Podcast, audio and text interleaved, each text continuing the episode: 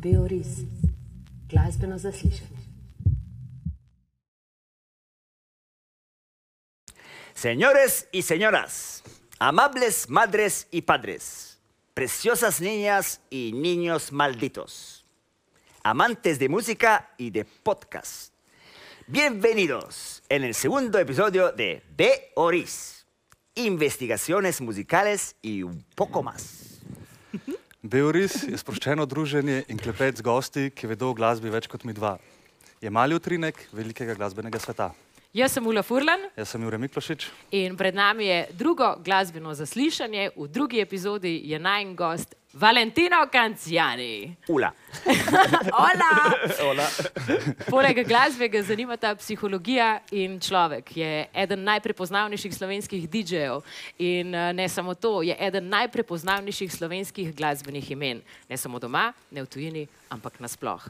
Je nekdo, ki razbija stereotipe in je umetnik, ki verjame, da tudi tehno piše prihodnost. Valek je Ula lih omenila, kakšne stereotipe misliš, da si svojo glasbo uspel razbiti?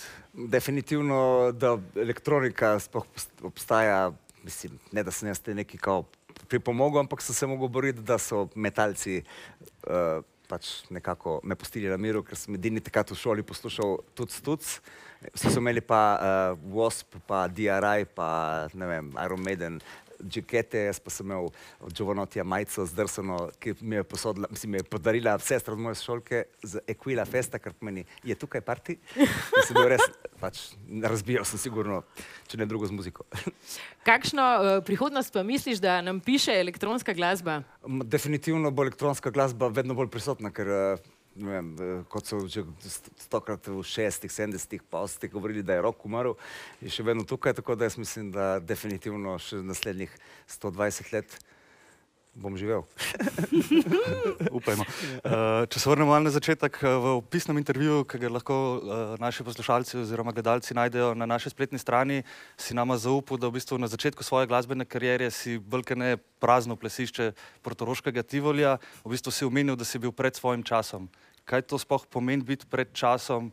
Pa, a si se v unem danem trenutku zavedel, da si pred časom? Ma, mislim, zavedel sem se, ker so bile reakcije take, da ne vem, recimo primer, ko smo prišli uh, na osnovno šolo, drugo osnovno šolo, na šolske plese, takrat so se pač prirejali šolske plese, na, smo imeli tako priložnost, da si lahko šel tudi na drugo osnovno šolo na parti, tako da je bilo več partijev. Uh, smo prišli z eno kaseto, ko trije sem na žico še, da so pač prišli z mano, ko in smo prosili DJ-ja, da no, se vrti, zavrti in nam je uspelo in je v bistvu cela šola, mislim, vsi so se ustavili in nas gledali, mi pa žarnice obračali polovno, je, ko in tako da že takrat v bistvu je bil ta neka reakcija, ko Neka, ne vem, ko so se počeli, tako, tako nam je bilo jasno, da smo bili nekako pred časom, ali pa sploh ne v času, ampak počasi, počasi to je bilo v bistvu trajalo, da se sploh iz enega človeka, ki je poslušal mojo kaseto, ne vem, nekje na benzinski, ki je imel avto, pa smo šli poslušati, pa smo kao tam te prve reakcije, kao, a, to je nekaj dela, do mame, ki je prišla v sobo, rekel, to je dobro, tako da to so bile v bistvu nekako prve nekako znaki, da nekaj se dogaja. Ampak je to trajalo in potem itak sem bil znan za tem, da praznim psišča, kao to je bilo, so lastniki klubov, so itak potem, kao, moja Kaj si pa vrtel, kakšen, mislim, to so bili... ha, haos tehno, kar je bilo, ker tak, takrat, ne vem, sem imel 30 tisoč lir, to je bilo 30 mark, torej tri plate sem lahko kupil recimo na mesec in potem to se je nekje nabralo čez čas in je bilo, od, ne vem, če govorimo o darcih na minuto, od 120 BPM do 160 in je bil set mešan in na, na koncu valjda sem končal z najhitrejšo ploščo, ampak to zdaj tega, ker če ne drugače se ni moglo komponirati. Ampak, ampak je bila to elektronika. Recimo, ne vem, če pozna verjetno ljudje, ki imajo radi to muziko, sigurno poznajo Age of Flow. Komat, to je bil recimo prvi in potem zadnji, ne vem, recimo Euromasters, Ales Narde Klte, ki je bil 160, pa včasih tudi do 180, če se ga mal. In sem imel tudi eno ploščo, ki se je klicala kao Pinokio, ki je bil nek ta od Pinokio, ta film, kao movie picture uh, komat in sem ga še na koncu sem gasnil gramofon in sem ga še je tako bil že 160 BPM, ampak potem sem ga še tako, tatan, tatan, tatan, tatan, tatan, tatan, tako da je šel tako ne, 250, 300 BPM, valjda sem prazno posišča. Mislim, imel sem svojo publiko, ampak so bili takrat ljudje, ki so bili takrat uh, te starejši, kot sem jaz zdaj, pili šampanjček. jaz ga bolj v backstageu, oni so ga tam na, za šankom. In so pač se, in ni bilo valjda, všeč, ker takrat jaz recimo imel dva slota po 45 minut, ki še zdaj, bravo Vojko, da mi je to Vrgolin sploh omogočil, dev- 91. leta. Predtem pa je on vrtel Rod Stewarda, pa Ace of Base, pa ne vem, tako da je bilo res neverjetno. In sem tako tudi prvič doživel, da sem jaz prkal malo publiko, kako sem prišel z kišto vinilov, ki ni imela svojega ročaja, tako komaj se je nosil. In so me začeli ljudje spraševati, kdaj boš ti, sem rekel, kaj sprašujejo, kdaj bom jaz. What?" In tako je bilo pač zanimivo. Kdaj si pa dobil občutek, da so te poslušalci dojeli, ujeli, da zdaj ta trenutek, ko si bil pred časom, da se je Ko mi je, uigral? kdo, ko mi je kdo rekel na koncu seta, v bistvu med setom ga niso nikoli dobil. Ne, ne, ne ja, pač dogaja se v ambasadi, mislim, da se je prvo to zgodilo, ko se je v bistvu kar naenkrat eh, vedno večalo iz, ne vem, 200 ljudi, ne, v hitrem času smo imeli kar 1600 v petkih, ko je bil tehno, zato smo ga imeli tudi v petkih, ker je bila večja publika in potem kao neke vrste haos ob sobotah, je bilo tudi vsaj tisoč ljudi, to vsak vikend in so že z, ne vem, domačimi DJ-ji, torej jaz tu, Mek, ki so bila, smo imeli že svojo publiko in potem, če smo imeli gosta, je bilo še, torej baza je bila tisoč recimo za tehno, pa gost, odvisno koliko je bil velik, je bilo že 500 plus, ali pa je bila že baza naš, ljudi, ki so prišli poslušati, ki so vedeli, da bo dobra muzika, ne zdaj, ker so bili kao full neki feni, ampak so vedeli, da bo to dobra muzika. Feni so mogoče postali potem, prej so bili pa glavniki, ne. Ker si jih omenil ambasado Gavioli, kaj je tvoja prva asociacija, ki ti nekdo reče ambasada? Uh, kaj mi reče, ja, mislim, to je bilo nekaj nemogočega sploh za dojet. Jaz spomnim, 93. sem prvi, prvo srečanje dobil z enim od lastnikov in sem bil, spomnim, v Arakadi in so me povabili ven, da kao je, in mi morajo predstaviti enega gospoda, ki ima nekaj zapovedati. In po kom je začel gomenjati o tem, da bo ta klub nek, ne vem kaj, jaz brez ebance, jaz sem po temu bil prepričan, da je to ali z polja ali z Idrije zbežal človek, torej to je nekdo, ki res ima motnje velike psihopatske in govori neke nemogoče stvari, ker takrat so bili kafiči do šestih zjutraj, balka muzika in klubi so propadali. Tako da ideja sploh, da se bo kdo lotil takega projekta, je bila nemogoča. Tako da v bistvu tudi, ko se je to zgodilo, je bilo to pač, ne vem, kako, ne, sploh tako, da se bom vedno to spomnil kot neka, ne vem, božji dar. Ne. Tako da bi se, če bom imel sina, bo sigurno božji dar. Kaj je tvoja prva asociacija na ambasado Na Gavioli? ambasado. Joj, ne vem, milijon enih dobrih partij, ampak bo- najbolj se v bistvu spomnim poti do ambasade, pa pol poti iz ambasad, poleg Belvederja. in seveda. Lepi časi. Uh, moja prva asociacija na ambasado Gavioli je ta mali balkon na ta velikem floru in ta ozek. Tam se mi zdi, da smo hiteli po prime position in uh, 17 let smo bili stari, jaz pa uh, Štef, pa Dulaš der DJ v Havaji srajčki, se spomnim, da to it's never gonna be forgotten. Ampak uh, gremo naprej. Eh, Svoj domači v bistvu renome kot nek najboljši slovenski DJ, oziroma saj pač tam zelo, zelo, zelo, zelo na vrhu, uh, si se v bistvu ustvaril lih v ambasadi. E, ja, definitivno, ker pač nam je dala možnost se nekako predstaviti publiki, ki so že zaradi tega, ker je bil klub neverjetno zanimiv, ker res še dan danes je definitivno arhitektura in plac nekaj posebnega. Ne, ne vem, če postaja še kaj takega primerljivega, da bi rekel, ja, neka druga ambasada, nekaj, še dan danes je to že kot ambient perfektno za pač probat kaj drugega. Uh, in potem se zgodba konča z ambasado Gavioli in zgodi se ti svet. Ja. Kako danes vidiš ta preskok, ki te je v bistvu na nek način popeljal na lestvico najboljših? Ja, popeljalo me to, da so me vrgli ven z ambasade. Zakaj so te vrgli ven z ambasade? Zato, ker sem pač uh, zgubil voljo, ker so, eh, so nekako, uh, sem opazil, da so aj attitude lastnikov je bil vedno kao, mi smo glavni, to se mora razumeti, ampak tudi tako, ko smo jim predlagali, uh, da bi naredili label, torej 100 limited uh, serijo plošč, ki bi se podarilo in smo naredili komade z umekom, prvič, ko smo v bistvu se skupaj v studiu srečala, uh, so pač to ignorirali kot neki, ker so kao mi govorili, ti si naš sin, ti boš to enkrat podedoval, valjda sin, poceni sin, ki bo kao delal celo, cel live za njih in bo kao vse to imel v rokah. In so pač nekako, sem zgubil voljo, ker sem itak razumel, da so pač nik- nikakor me ne dovolijo, mislim, s tem vsem delom, ker sem ga tam res iz srca delal, pa s tem, da ko smo odprli ambasado, torej otvoritev je bila tako porazna, zato ker so kasirali folku, brez da bi vedeli, pa muzika ni bila naštimana, ki so hiteli. Je bilo to osem mesecev prazno in borba in še vedno sem delal na tem in se je nekaj zgodilo. In pol, zadnjih par, šest mesecev leta 99 ali pa mogoče manj, sem prej videl, da so nekako ne dovolijo mi uh, se nekako izražati in sem izgubil voljo in je prišlo do tega, da gospod Mauro Ilič, ki bi rekel verjami strica, ker je pač bil zemenski uh, Hrvat, uh, je v bistvu me porinil po stopnicah na ta način, Tediko, ker pač nisem delal več, ker sem izgubil voljo in potem mi rekel, da bom na ulici moje mami, ker oni so mislili, da bom jaz drugi dan prišel nazaj, pa prosil, ja, ko, lahko pri nazaj. In jaz tudi sem pomislil na to, da mogoče me bojo prepričali, sem takoj isti večer poslal fakse se prevečevati nek, nek način, da agencijam, da nažalost nisem več tam, nisem rekel, da kao so me porinili po stopnicah, to zdaj lahko povem, ki tak. Malo ne veš, kako nevaren. In zgodba je zaključena, in svet se je zgodil, in uh, te popeljal Mislim, naprej, hvala Bogu, ja. v bistvu. Ne? Mislim, definitivno, sploh da bi sem začel sanjati o svetu, je bila ambasada spet tukaj prisotna, zato ker sem pobiral DJ-je na letališču, ker sem delal in tako vse. In uh, medtem tudi, valjda, sem šel iskat DJ-ja in sem enkrat tako se spomnim prav, no, jo, fajn bi bilo, da mogoče bi kdaj mene kdo tako pobral, ne? In se je pač, In Si začel, uh, v bistvu si, si postavil lastno vizijo samega sebe v prihodnosti in ta se je bolj, bolj kot uresničila. neka ideja, mala, ni bila to neka vizija, kot uh, jaz bom bil novi Janša, mislim, to je bilo tako. Hvala Bogu, da ne. Po kakšnem ključu zbiraš glasbo za svoje poslušalce, zase? Kako? Mislim, zdaj po novem, po USB ključu. ne, prav za te. Ne, ampak mislim, mora me pač mene navdišiti in uh, potem lahko tudi to nekako, če super setup, da tudi slišim, da lahko to ljudem ta moj občutek, ki mi ta plošča daje, lahko tudi njim nekako predstavim. To je v bistvu edini ključ, ki obstaja po Kako mojem. pa izgledajo v bistvu tvoje priprave na nek dogodek?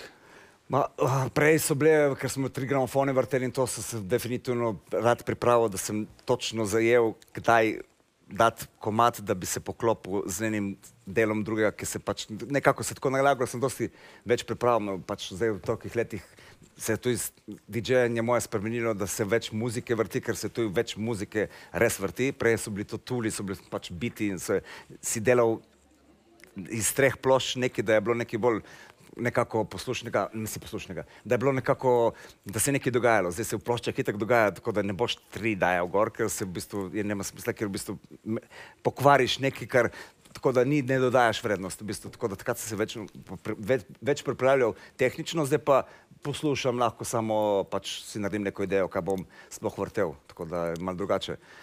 In uh, še vedno dobivam komentarje, da takrat si bil boljši. Uh, mislim, sej, lahko sem bil boljši, ampak sem lahko slabši ali pa nekomu boljši. Mislim, da se, človek se razvija v neke druge.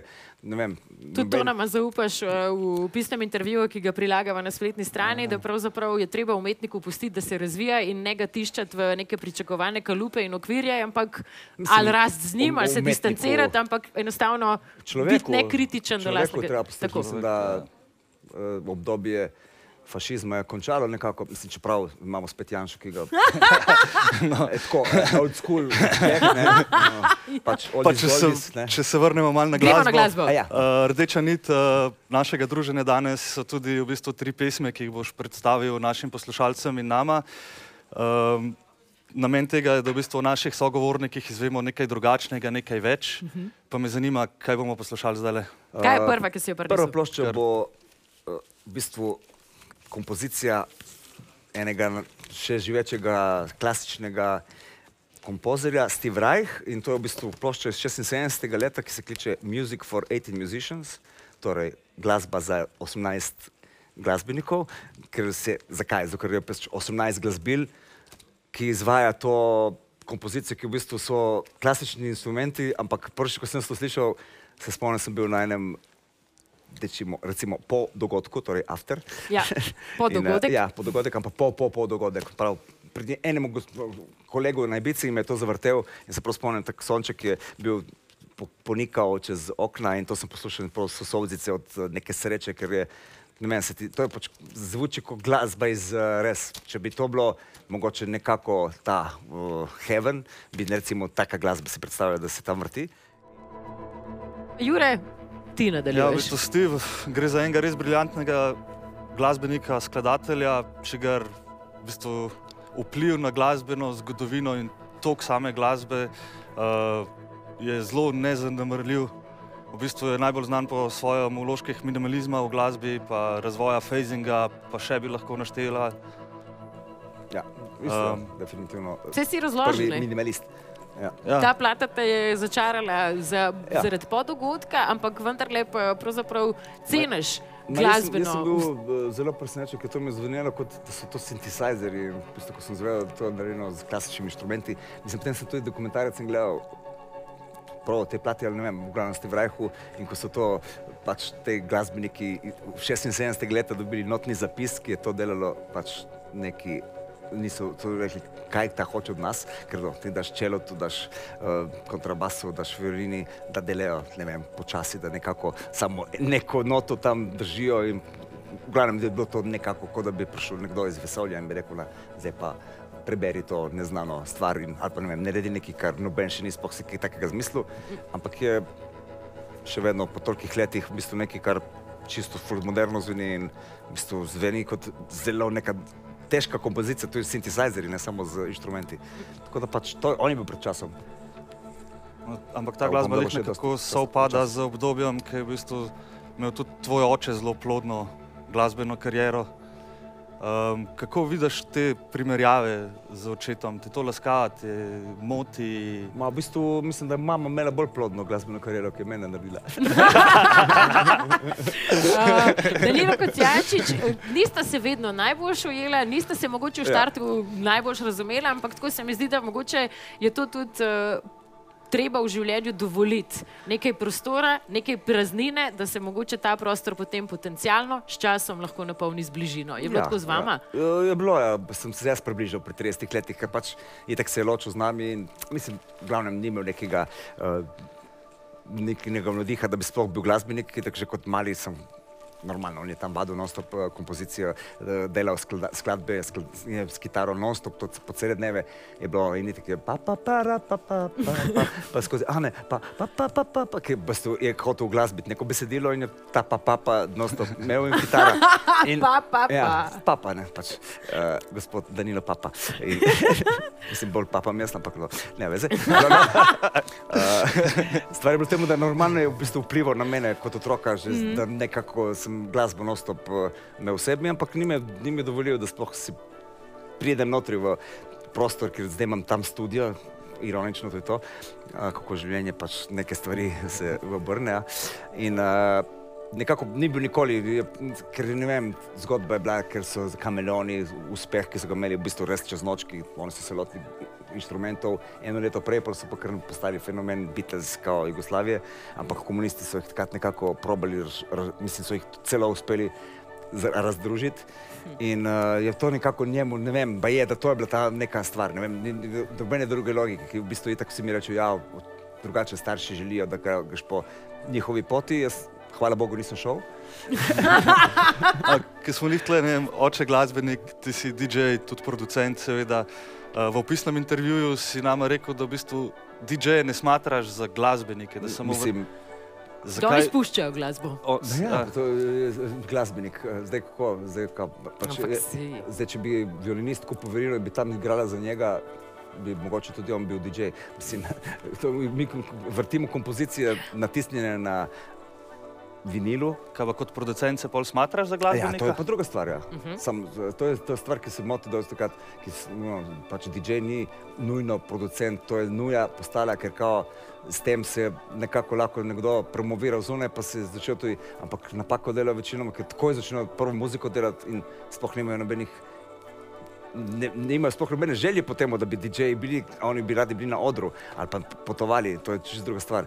To pravi DJ, se pač vsaj deset let samo DJ-ja, pa mogoče se loti delati produkcije, pa ni nikoli nujno, da bo sploh kaj iz tega nastalo, če ne bo v bistvu uh, pač ghost producerja uporabil in tako naprej, ker se tudi dan danes dela spet zaradi tega, da bi samo se več kao vrtelo in to. Mislim, jaz, ko sem takrat začel, DJ je bil zadnja stvar, ki je bila zanimiva na področju, ne vem, kar, če- karkoli česa. Tako da je bilo malo drugače si želeti biti DJ takrat, ali pa v bistvu dan danes, ker je neka fama, pa šampanjčki, pa pravi jeti v, v neki kao bodoči kao sanjah, je čist druga. In tako se tudi potem se hi- hitro neki ljudje kao hočejo neke čim krajše poti in se tudi potem tudi skrajšajo seti. Ne, ker v bistvu jaz, uno, daljši set manj plačaš. Ne. Pač sam za sekundo še vrnem, eh, ker sta se zbližala v bistvu z očetom, si ga ne samo enkrat pel tudi na Ibico. Pa Ibica, ki jo omenimo, v bistvu ne moramo imeti te asociacije na razduzdano življenje. Pa. Nekonvencionalni lifestyle. Kako se pa Je, oče vklopil v to? Ja, tako pač neki so hipi, prvi so, so ta otok nekako popularizirali, ampak ja, tak je pr prostor, ki se počutiš nekako svobodno, dokler ni zadnja komercializacija se zgodila, ki je bila absolutno največja v zgodovini, ampak Ibiza je šla vedno čez to, da prvo so bili neka marginalna skupina, recimo hipi, pa potem rever kakoli in potem kar naenkrat se je to populariziralo in ne vem, so že ne vem, šest ali sedem let so imeli direkt lete iz Amerike, recimo. In pa se malo umiri, pa spet prosijo razno razne uh, navdiš, navdiš, navdiš, navdihane ljudi, da nekaj naredijo in potem se to nekaj naredi in potem te ljudje verjetno pre- prej odpadejo, ker pridejo spet bolj komercialne imena, ker to zdaj je treba prodajati. In na zadnje ta transformacija je bila tako močna, da v bistvu se je otok totalno prenasičil in nekako ni bilo več te, ne, mislim, še vedno sem živel v unem času, ko se, sem se preselil tam, ko je v bistvu se lih začelo to nekako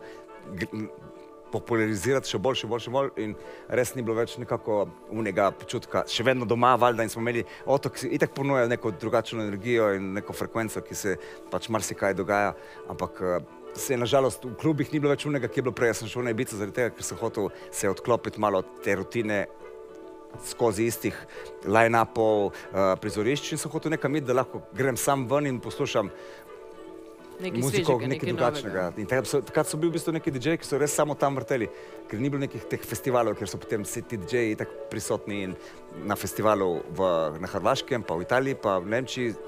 Ni več tako. Takrat je, nek, je bil nek plac, ki so neki fenomeni bili samo tam. In če si hotel poslušati nekaj drugačnega, si tam imel res šanso. Tako da Kako pa je z parti, uh, rave kulturo in prepovedanimi substancami? A je to predsodek, da to povezujemo? Mi ni rekel, da je prepovedano tam ta substanca. ne, ampak tako nasplošno ja. mislim. A veš, A ja. uh, ne, Ja, pač na splošno je tako, da a je to predsodek, a so Da, če- če- uh, če- če- prepovedane substance, ja. recimo nekaj, kar Ma, v bistvu vsem prepovedana je plava obleka bolj no, kot. Uh,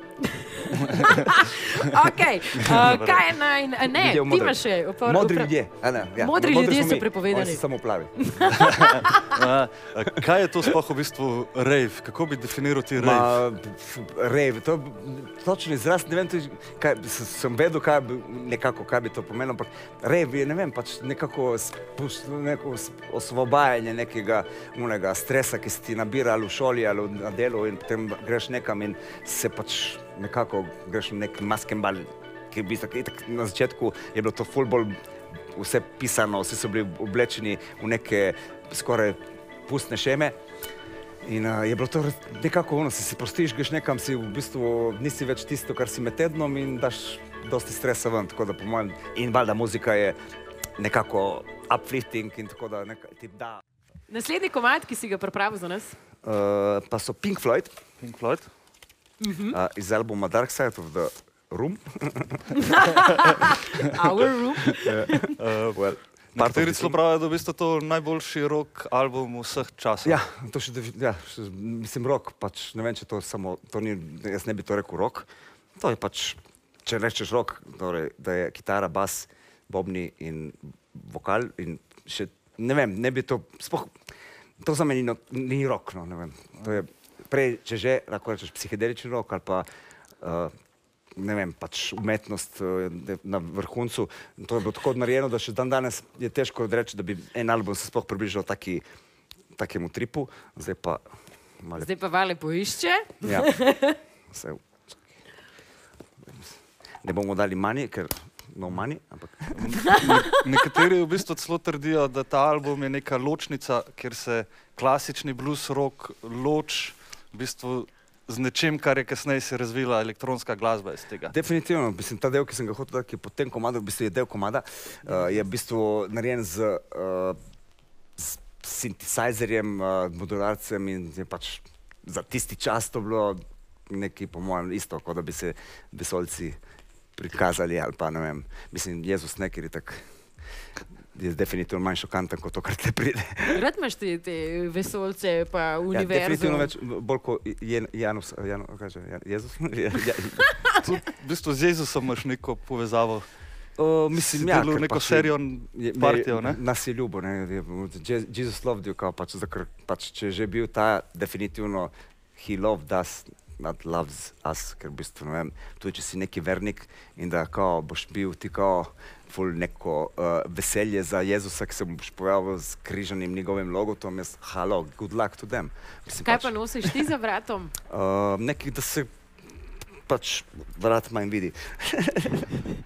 ne, ne vem, pač to so neke te neke stvari, ki jih mogoče nekje ne kupiš, najdeš, ampak tako, kakšne take.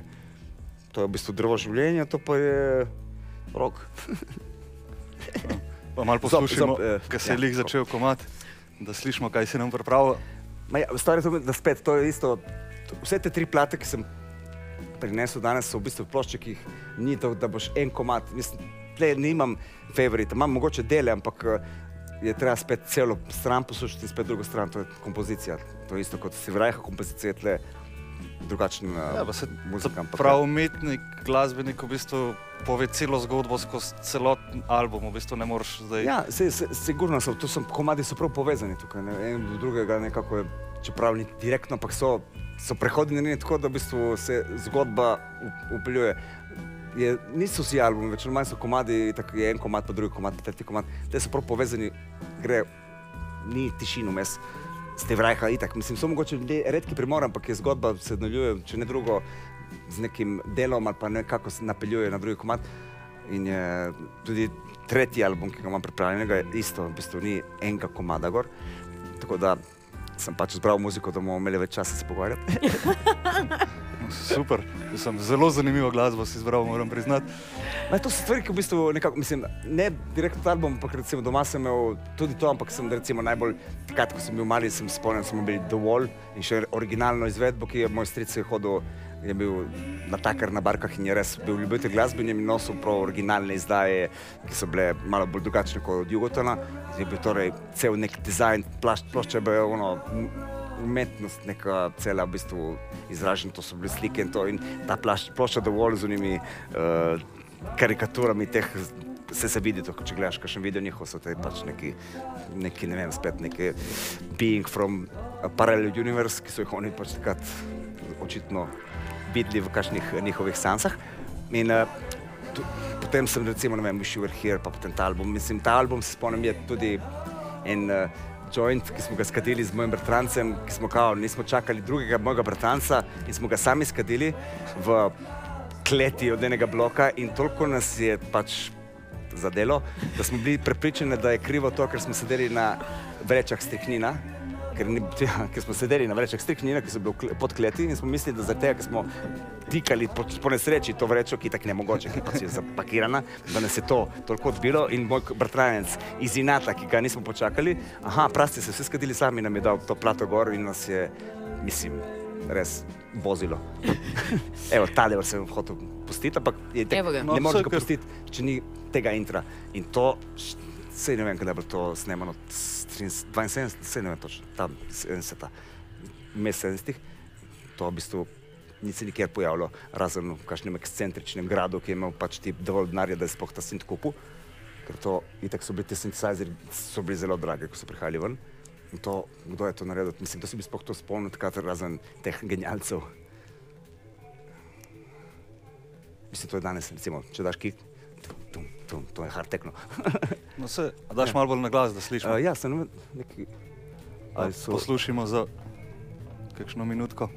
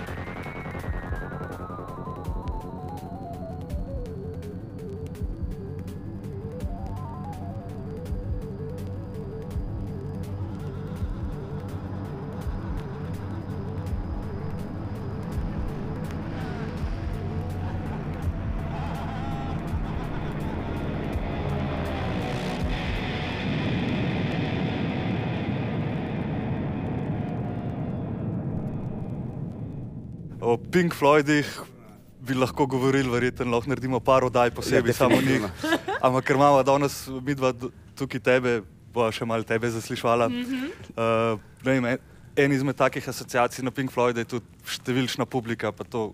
Kaj je bila pa tvoja, imaš kje v glavi najštevilčnejša publika, kje je bilo največ? Uh, ma, mislim, da tako, naj, spomin, da bi bi- bi bilo res ogromno ljudi je bilo na Dance Areni v, v, v Novem Sadu v Srbiji, ki je bilo, mislim, da je bila ta main arena, ne vem, 30 tisoč, pa ta Dance Arena je bila 20 in s tem, da sem prvič nastopal, ko me kar Cox dal na line-up, ker je tak je bila angliška produkcija z, v povezavi s Srbijo in nismo neki kao bili nujni, niti umek, niti jaz nismo, pač kar Cox me je povabil, torej, evo, budilka. Uh, in uh, je v bistvu, je bilo, ne vem, so, to je bilo mori ljudi, ampak sem vrtel tako, 15 tisoč je bilo. Pa, mislim, da tudi Dance Valley, ko sem vrtel, razumem, ko je bilo tudi kar velika številka na main areni, ampak smo imeli lih nesrečo, da ko so vi prvič nastopili na Dance areni, mislim, main arena od Dance Valleyja v Amsterdamu, so lih prišli novi zakoni, ker so jim zmanjšali decibele in ni bilo to tako, kot je bilo prej, ne. samo ok, še vedno smo doživeli neki. Kakšna pa je odgovornost, ko kot DJ stojiš na odru in upravljaš pravzaprav s telesi uh, tisoč glave množice z njihovo energijo, z takimi dušami, vibrationi, Ja. ti si v bistvu takih pelje. Velika se stvar v tem, da dosti Greš teh- po intuiciji, greš, uh, kako ma, greš? uh, mislim, po tujci, vse to sem prej že rekel, da pač zbiram isto, ono, kar mene najbolj nekako emocioniralo in nekako pa tudi, če me nekako že je nekako v tistem trenutku, tudi če me mogoče sem slišal že stokrat v enem trenutku, je spet doživim jaz to emocijo, ker je ta dogodek, vse skupaj in zvočenje in ljudje. Dobiš na isti film, ko si jo prvič slišal, pa lahko si jo slišal v trgovini ali pa si jo lahko slišal ne vem, nekje drugje, na enem partiju ali pa na radiju. Včasih so bili tu celo italijanski radio, so vrteli tako muziko, ki jo v bistvu še dan danes je v Sloveniji ne vrtijo, na radijih, ker so imeli proradije, so imeli samo muziko, brez speakerjev in so edino, kar so imeli reklam, so imeli reklame za klube in partije za vikende, tako da pač to še dan danes nikjer nisem slišal kaj podobnega. In to je bilo leta od 89, 90, 91, smo pripravljeno kaseto noter, da bi mogoče samo dve, tri minute kakšnega komada ujel, ki tako se mogoče drugi dan ponovila playlista, ampak nisem vedel kdaj. In sem, je, imam komad, kao, ki sem dve, tri minute ga ujel. Tako da Ampak si pa že kot mali, eh, recimo za dobro jutro vrtel plošče Madone, Ja, ja, ja, Michaela ja. ja, Jacksona, ustvaril doma prijazno atmosfero, mogoče tudi, ko sta se starša ločevala. da Eh, ma ne, neka- to je bilo ne? prej, to je bilo prej. Prej. V bistvu, ja. Ampak Eh, si z muziko ker sem- spreminjal Ja, pa sem vibe. imel še celo sliko, ker sem full majhen, pa tale kočala, pa slušalke so večje kot moja glava in tako, prav tako zraven gramofona, vem, da je nekje ta slika. In, ampak pa to je bilo ono, mislim, Madonna in Jackson, itak so bili dance, eh, so imeli videe, so plesali, bilo, to me je pri- privlačilo, v bistvu ni bila samo muzika, mislim, tudi mogoče Madonna toliko spet, ja, ok, ampak Jackson mogoče, oba sta zdaj plesa, takrat nisem niti eh, mogoče lahko toliko razumel, kaj je kao, eh, me privlači, zakaj je muzika, to. Dance je bil ono, pa je bilo že tako, plesna muzika. In tako je bilo to za dobro jutro, sem pač vrtel kakšen komat ali od, ne vem, bed plata in mislim, da od Madone, niti ne spomnim se, katera je bila, v glavnem govorimo o, o letu 86, eh, meni še manj, jaz sem imel pač 8-9 let, torej Uh, zdaj bom povedal, koliko sem star. A Lahko to mutiramo? Ma ni, whatever. Ne, ne, Recimo, ne, okvirno. Ne, 83, 83, torej 8 let, ja, pač. Vse tako po dokumentu piše.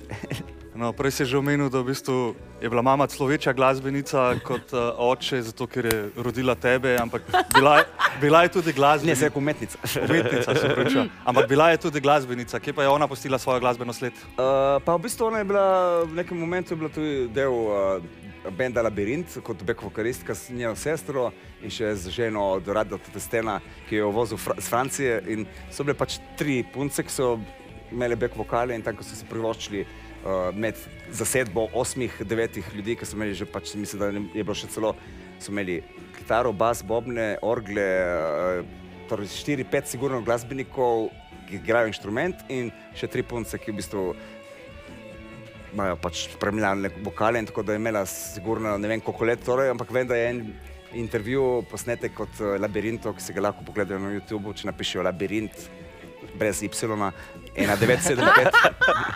1975 in je v bistvu cel intervju in tam moje mame ni in uh, rado pove, da so kač imajo tudi punce v zasedbi in da je Slavic, mislim, uh, Sonja Čok, ki je sestra in uh, Marijan Testen, njegova žena in da kao je tudi Slavica Čok, Hocijančič tukaj, ampak je trenutno bolana in evo, bolezen se je šele potem pojavila, ker sem takrat, to je bilo moje, de, mislim, moje leto rojstva, tako da v bistvu so rekli, da je bolana. Tako da ne vem, to pač neki, nek so takrat spustili v eter. No, Ampak je zanimivo tako intervju, ker v bistvu govorijo, da so se mogli prilagoditi, ker so začeli v severni Sloveniji bolj nastopati in da so mogli se bolj skomercializirati, daleč od tega, da je una muzika, od, mislim, meni ni se zdela komercialna, zelo kvalitetna muzika. In uh, ne vem, tako pač je bila mama tudi, uh, mislim, da je balet plesala, pa gledališče, pa je bila skozi v muziki. No. in to Zaradi tega, ono, ko je prvič prišla takrat, ko sem imel nek setup doma, sem imel oni nek uh, cel ono, plastični stolp, ki je imel gramofon, smešen gor, ki sem mogel imeti ščinko gor, da sploh je igla lahko se ne- skakala, pa nek uh, rizov gramofon, riz firma in moj, moj kolega ga je že takrat predelal, ki je bil pač nerd in je napisal gor riš in je naredil potencimeter, da sem lahko, in to je bil in jaz sem tam nekaj vrtel v svoji sobi in ona pride in ono, tako prosim, no, priš- prideš na vrata in ono, to je dobro, jaz kao, wow, kao, noben, kao, sploh ne konta, zdaj moja mama je tako pač je definitivno in tudi potem kasneje ni bi prihajala z- v ambasado z bicikleto na te dolge partije, ko smo imeli kdaj partije do 10, 12, bi lepo zjutraj se pripeljala v ambasado, pa šla malo revat, tako, na suho. Beautiful, beautiful. No, ampak če se vse malo vrnemo na te, ne vem, eh, ustvaril si nešteto hitov, eh, polepšal si nam nešteto noči, ustvaril zelo veliko zvokov, zabaval milijone ljudi. Kako bi rekel, mislim, kaj je največ, kar ti je prinesla tvoja glasbena karijera? Kaj ti je dala glasba? Ma, definitivno, prvo kot prvo, dosta ljudi sem spoznal, ki jih ne bi nikoli. Po celem svetu, ki pač nisem si pok... jezike sem se naučil, jaz sem se naučil italijansko z televizije, že hrvaško nisem, ker pač nisem imel, nisem imel potrebe gledati naših televizijskih kanalov in sem zaradi tega tudi potem kasneje se naučil hrvaško, ko sem šele začel potovati v Split uh, in po hrvaški. Jaz se spomnim, ko sem bil v Poli prvič, ko sem imel 18 let in sem bili z uh, DJ-ji, ki so bili z obale, mislim z obale, mislim z obale, so bili z Ljubljane, recimo Umek, Gabi, pa ne vem kdo je še bil, pa njihova ekipa, oni so lepo se komunicirali tam na plaži, potem po partiju, jaz pa ono, nisem razumel nič, tako da sem se naučil hrvaško govoriti s potovanjem špansko, isto sem naučil uh, angliško, da ne govorimo, ker bi se, ga mogel naučiti zaradi tega, ker sem pač delal bookinge v ambasadi in sem na začetku copy-pastal neke freze, ki sploh nisem vedel, kaj govorim. A pa ne vem, bi šel z Richie Hotinom uh, na idolom, takrat na, sem ga povabil na večerjo, pred, mislim povabil sem še na večerjo, ki pripada. In uh, sem bil samo tako, you like? Uh, Ne, ko, pač, Klasična nisem- italijanska da, da, da, je. različica me- angleščine. še da vedno imam akcent uh, italijanski, ko govorim angliško. Uh, nam je pa tvoja glasba, nam osebno, eh, se mi zdi, da vsem dala ogromno, če ne drugega. Jaz lahko začnem s svojimi najstniškimi spomini, z uh, kakšnimi ljubezenskimi trenutki in romancami, z Lelivo, Ja. kjer uh, pa, ko jaz poslušam Lelivo, si rečem, vale, tle je bil heartbroken. Za koga je ta komat? To je taka. Ma ni hardblock. Ma je bolj, tako. bolj, bolj, je bilo bolj to, ono, če, s- če se spomniš uh, prvega Rokija, ko na koncu zmaga in ono, Adrian, tako tam ga slišiš, no, tako triumfalni. Mislim, meni ni žal, mislim, definitivno mogoče vsak nekako nek drugače Ti interpretira nisi imel nobene punce v mislih. Uh, Ti si imel triumfalnega rokija, medtem ko mi Ja, vsi ne, mislimo, takrat v bistvu da je stvar je bila v tem, da sem, sem bil ful navdušen ne nad punco, nad enim komadom, ki je od Silicon Soul, Redon Rodon, ki ima tudi take violine in nekako sem si zaželel nekaj tacga narediti. In v bistvu je prišlo se do tega, da sem v tem ambasadi z njimi vrtel, ko je komad bil narejen in so mi sem rekel, sem rekel, da sem inspiriran, pa sem ga spustil prvič, ki je bil še lih narejen in so mi rekli, ne, tvoj je boljši, sako, kako moj moj boljši, ja, ker mi smo semplali, in vi ste jih odigrali. Ok, fuck. Tako da, No, pa Pač, če gremo še na ne. zadnjo danes, tako pika na ja, i še s tvoj tvojo glasbeno selekcijo. kaj si nam za zadnjo selekcijo Zadnja selekcija pa je. KLF, Chill Out album, ki so v bistvu ga tako nekako, je najbolj, najmanj poznan album, definitivno. Mislim, dan danes je tako KLF, zelo redko kdo se spomni, ampak oni so bili na MTV-ju z What Time is Love, takrat, pa po vseh teh nekih televizijah, ki so vrtele glasbene videe, takrat na začetku, ki jih je bilo mogoče našteti na prste in so bili že takrat ful popularni, ampak ta album nekako so naredili čisto tako iz snemanja, ono, field recordingsi, ki kao še dan danes so ne- nekako ne, nobenih lik ne dela, ampak to so v bistvu posnetki vlakov, posnetki nekih uh, filmov, mislim, deli in to so pač kompozicije, ki spet Sej je pojmenovana vsaka od 3-4 minute, ima neko ime, ampak ne, vem, ne, ne bi nikoli rekel, da bom pa to dal na tretji minuto, bom poslušal in se vedno poslušal od začetka. Zdaj, če mi pomagaš, Ula, povedati, kje je A in kje je B. ker je Čakaj, Forlan pogleda, kje je A, kje je B.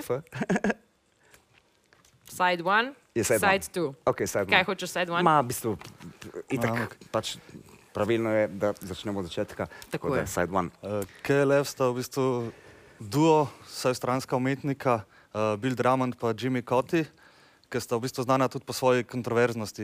Ne vem, kako sta zaključila svojo s- glasbeno kariero oziroma skupno pot na, uh, kaj so na Bricih, na Wordih. Uh, sta hotela polivati ljudi z uh, živalsko krvjo, Ja, pa jim niso Soulgates, pustili, ne vem. Pol sta v bistvu zatem sta kot del artističnega performansa zažgala milijon uh, funtov Ja. in sta rekla, da je to v bistvu vse, kar je os- ostalo KLF-a. Ja.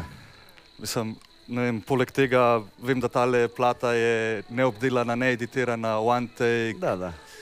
Pač, Um, kako pa v bistvu ti vidiš uh, zaključek uh, svoje kariere? Bo tudi nek bank ali Bo Bank en statement. v bistvu? Ja, ne vem, mislim, ne sploh ne razmišljam o zaključkih, itak vse se ne ve, mislim, oni, ki gledajo, ja, zdaj bom pa to še naredil. Who the fuck is telling you that you are gonna live the next minute? Tako da vse je nekako, nič ni izgubljeno, čeprav si kdaj misl, pomislil, to je jasno, no, ko, a, sem zgubil cajt, ampak v bistvu potem se zavedaš, da v bistvu vsak dan je pridobljen. Se boš kdaj naveličil eh, te DJ-ske, produkcijskega lifestyla? Je Ja. to že rutina ali se vidiš, da je Ma, pač mislim, do konca sem se življenja? že sigurno eh, vrtenja eh, in zato prepuščam mladim kolegom, ker se res ukvarjajo z iskanjem muzike, da bi zdaj neki vsak vikend vrtel, se raje vidim kot mogoče live act, delam na tem, da bi mogoče raje, če bo, če bo vse po sreči, da bom bil pripravljen, ampak definitivno se bolj več ukvarjam z deljenjem muzike, učenjem uh, tehnik uh, za biti ustvarjalen in mogoče kakšen bitcoin poceni dobim.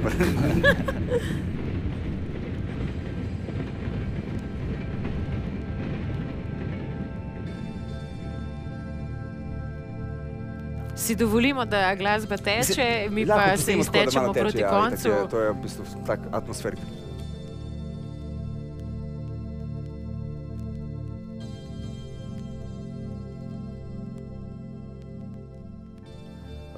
Pa kaj jih v bistvu sedimo tukaj, koliko časa se nista videla, ti pa Boris Sound System.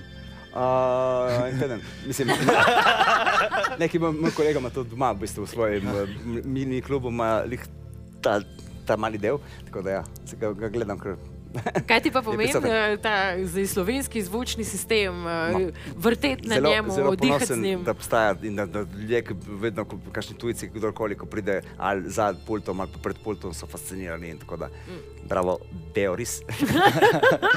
No, pa v bistvu na tem zvočnem sistemu, ki je tukaj za nami, uh, se kali velik del tvojega, oziroma tudi slovenskega elektropodmladka. Kdo so te ljudje, kje ste se spoznali in zakaj je v bistvu pomembno vlagati v podmladek?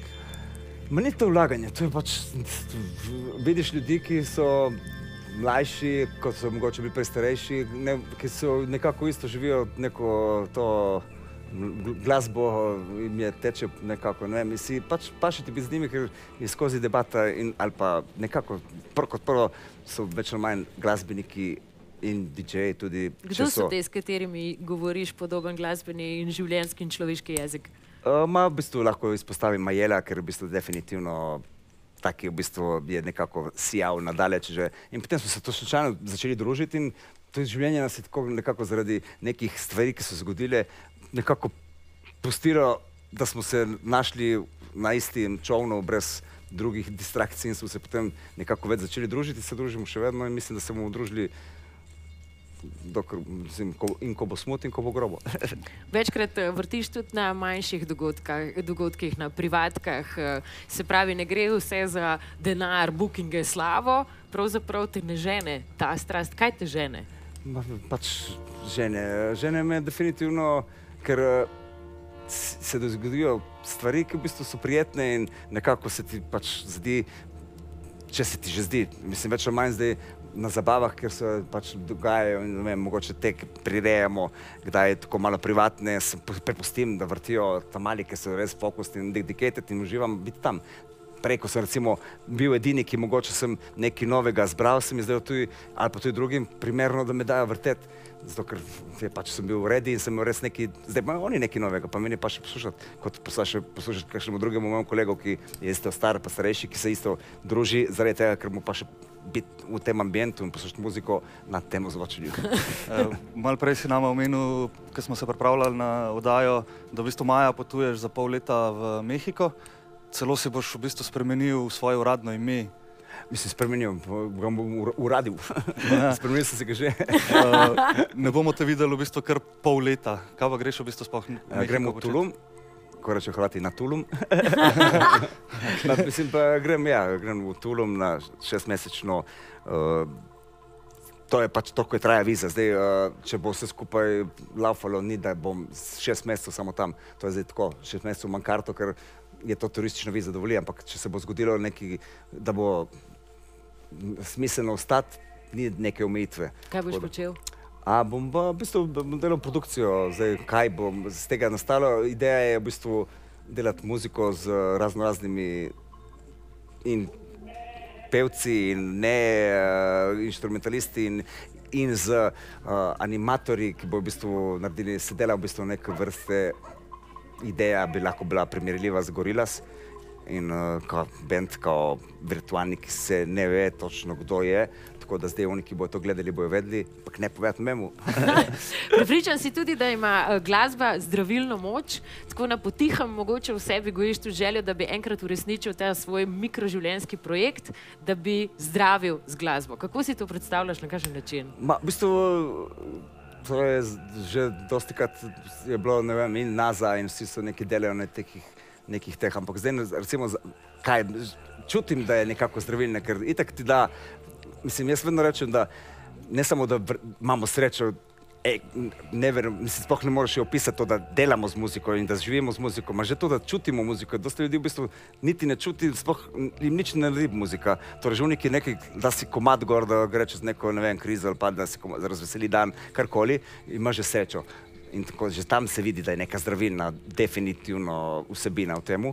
S tem pa sem spoznal, pa v bistvu spoznal. Uh, imam prijatelja, ki mi je omenil, da je bil opročen od ene familije z Indije, ki je med 40 najbogatejšimi hčerka njegova in so, mu, so ga hoteli v kru, zdaj ne vem točno, ker se ga nisem videl že nekaj cajt, ampak v bistvu so ga povabili, ker on je producent in to, da bi v bistvu bil del projekta, ker se prav delajo namerno bolnice bojo bile z zdravljenjem glasbe, tako da je šlo dosti naprej. In je v bistvu zelo zanimivo, ker sem to nekako fantaziral in se družina, ki se res ne ukvarja s tem, da bi naredila en klub, kaj pač to oni bojo, planirajo to worldwide, v bistvu to, te bolnice, te neke healing centre z zvoki, mislim, z frekvencami, z harmonijami, karkoli. No, pa Z preden, organiziranim šumom. preden zaključimo, pa ker se lih pogovarjamo o zdravilnem učinku glasbe, kaj bi pa nama zulo, recimo, prepisu, predpisu, kakšen glasbeni recept, glede na to, da leto 2020 je bilo za nas glasbene navdušence katastrofalno. Ma, pff, 21 ni nič boljše. Te plošče so definitivno, če v nekih ni poznal, od vas dveh, definitivno je pri- priporočljivo, kdaj ker so itak vse take am- ambientalne, atmosferične, tudi Pink Floyd, čeprav so kao rock, kao glasba, definitivno ni to, da bo to se posluša v trenutkih, ko se pač sedeš na vrečo s knjiga ali pa ne, ampak ja, zdravilno. Upam, da se nam bo odstrlo to, ta heavenly utrinek, ki si ga nam eh, bo mislim, namenil. Definitivno Steve Reich lahko všeč, lahko ni všeč, ampak če nekako čutiš, imaš neko emocijo, ki se veš, da se ti neka glasba, razno razne, itek se vedno ta kliše je, uno, stajajo samo dve vrste glasbe, dobra in slaba. Torej, ali ti dela, ali ti ne dela. Zdaj v zvrst meni je pomembna, mislim, tudi v, ne vem, karkoli, mislim, pač vedno je neki, ali dela, ne dela. Tako da je v bistvu, če ti dela muz- muzika, definitivno Steve Reich eh, ti bo sigurno neko, odvisno od momenta zdaj ne, če pač Ja, saj. Ampak tako, Glasba je tudi povezana z občutkom, čustvi in vse, kar nas Ja, predava, sem preveval v danem trenutku. Se zato še dan danes to poslušanje nekako cenjeno, pa je bilo 76. narejeno. Definitivno že klasiki tekrat, pa še dan danes, po mojem, to niso razumeli, ker bi bila totalno klasika bazirana na klasičnem komponiranju. On pa ni bil klasik. Ja. Najlepša hvala, da si bil najen gost. Najlepša hvala, da smo te lahko glasbeno zaslišala, da si nam odstrl pogled v nekaj svoje, mogoče celo zdravilne namige, ki si jih lahko vsi prvoščimo. Uh, dragi najni oziroma naši, to je zaključek druge epizode glasbenega zaslišanja. Vljudno vabljeni še na našo spletno stran www.glasbenozaslišanje.si. Na njem najdete tiskani intervju, na, nen, na njem najdete tudi Kancijanjevo svežo uh, playlisto, ki pravzaprav ne bo playlista, ja, v ampak bo kar set Link seta, ja. No, produkcije. Mislim, ni Uh, pa, ja, je tudi zadnji del, recimo od 50 minut naprej, je v bistvu moja produkcija. Ampak je tako set, ki sem ga naredil za Dance TV, Television in je bil objavljen pred kratkim, ampak eh, je sveže. Tako da v bistvu je del seta je definitivno neizdanih komadov, ki se kdo ve še kdaj bo, kdaj bo izdani, ampak tam jih lahko poslušajo, tako da vidijo, kje se mi gibam nekako. Mislim, se itak se gibam v zelo različnih vodah, tako da ni da zdaj dosti ljudi označuje, nekaj sliši pa, "U, kam, se, kam je zašel. Jaz sem zašel že takrat, ko sem začel, marsikam, tako da dobro ti gre in zahajaj še naprej tako No. Za tako čestitke. entuzijastično. Um, hvala lepa še enkrat, da si bil naj Bilo nam je v gost. čast. V čast Hvala za je bilo. Poljubi, poljubi, poljubi Dragi in slušalci, srečno. se vidimo drugič. srečno.